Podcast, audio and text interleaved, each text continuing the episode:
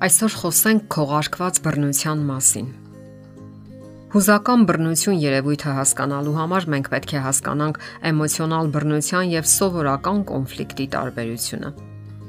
Կոնֆլիկտը ցանկացած հարաբերությունների նորմալ մասն է եւ առողջ միջոց է երկու մարդկանց կողմից զգացմունքներն արտահայտելու, խնդիրը բացահայտելու համար, ինչպես նաեւ հնարավորություն է խոսելու ցանկացած խնդրի մասին, որը անհանգստացնում է երկու կողմին։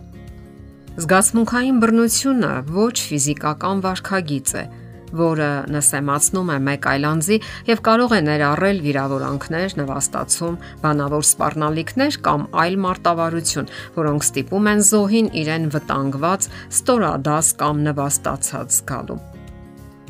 Ինչ է կարծում, երբ է կոնֆլիկտը վերածվում զգացմունքային չարաշահման։ Երբևէ ինչ որ մեկի հետ շփվելիս հավանաբար ստամոքսում տհաճ զգացողություն ունեցել եք։ Զգացել եք, որ ձեր հարաբերություններում ինչ որ կոպիտ ու տհաճ բան կա։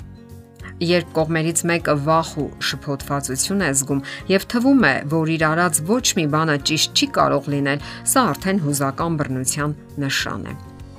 Հուզական բռնությունը այն անձի վարքագիծն է, որը ստիպում է անընդհատ վատ մտածել ձեր հանդեպ, ցածրացնելով ձեր ինքնագնահատականը։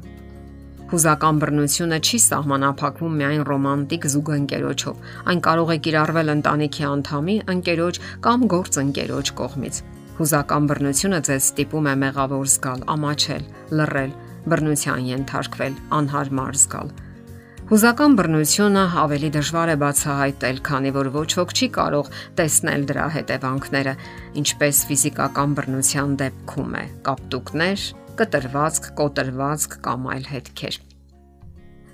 Խոսենք էմոցիոնալ բռնության նշանների մասին։ Առաջինը՝ Ձեր դիմացինը հիպերքննադատական վերաբերմունք ունի ձեր հանդեպ։ Մարդկային բնույթին հատուկ է քննադատելը կամ դատելը, բայց ձեր դիմացինը էմոցիոնալ վիրավորական իրավիճակը տեղափոխում է հաջորդ մակարդակ։ Նա ձեզ ցածրացնում է ուրիշների առաջ, ձեզ նվաստացնում է, ստիպում է ամաչել, սարկազմով է խոսում կամ ծաղրում, տհաճ կատակներ է անում, որpիսի ձեզ ված զգաք կարծիք է արտահայտում ձեր ասացի, արածի կամ մտածածի մասին ինչպես եք հակնվում, ինչպես եք ծախսում ձեր գումարը, ում հետ եք ժամանակ անցկасնում, ինչով եք հետաքրքրված եւ բարկանում է, երբ չեք համաձայնում իր հետ։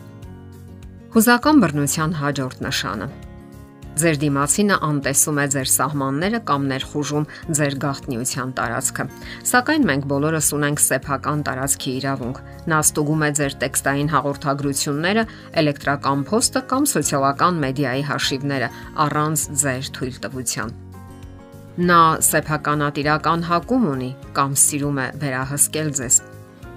Բռնարարը կարող է փորձել սահմանափակել ձեր վարքագիծը անհիմն խանդի միջոցով վերահսկել ձեր գործողությունները։ Նա պահանջում է, որ դուք անընդհատ զանգահարեք կամ հաղորդագրություններ ուղարկեք, երբ կողքին չեք։ Վրթովվում է, երբ ցանկանում եք ժամանակ անցկасնել միայնակ կամ ձեր ընտանիքի կամ ընկերների հետ փորձում է ձեզ մեկուսացնել այլ մարդկանցից կամ գործունեությունից, որը ձեզ դուր է գալիս։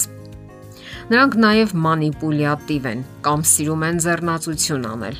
Ձեզ հուզականորեն վիրավորող անznավորությունը կարող է շատ բաներ փորձել, որpիսի ստիպի անել այն, ինչ չեք ցանկանում։ Հակառակ դեպքում նա կստիպի, որ ձեզ ահավորված զգաք։ Օրինակ, կհեռացնի ձեզնից իր ջերմությունը, սառը կվերաբերվի, երբ ինչ որ սխալ բան է կարել, կանտեսի ձեզ, նա անգամ կստիպի, որ կասկածեք ինքներդ ձեզ, հերքեք մի բան, որը դուք գիտեք, որ ճիշտ է։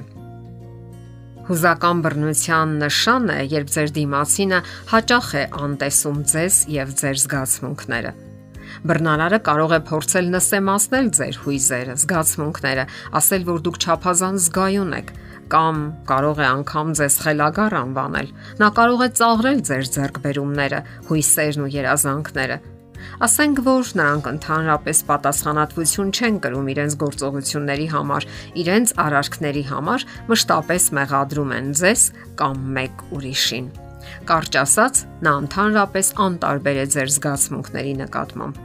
Ընտանիքներում առավել տարածված է բռնության այս տեսակը՝ հուզական, զգացմունքային։ Այն գործում է քողարկված եւ շատերը մեծ դժվարությամբ են նկատում այն եւ հասկանում պատճառները։ Շատ կանայք չեն էլ գուշակում, որ ապրում են հենց հուզական բռնության պայմաններում այնպիսի բռնություն, որն արդեն անմեղ ու անվնաս չես համարի, որ արդեն երկար տարիներ ապրում են վախի մտնոլորտում, առանց որևէ մեկի հետ կիսվելու հնարավորության, ապրում են համակերպվելով իրականության հետ իսկ ճշմարտությունն այն է, որ ենթարկվում են հուզական բռնության, այն համարելով բնականon վիճակ, քանի դեռ հարցը ֆիզիկական բռնությանը չի հասել։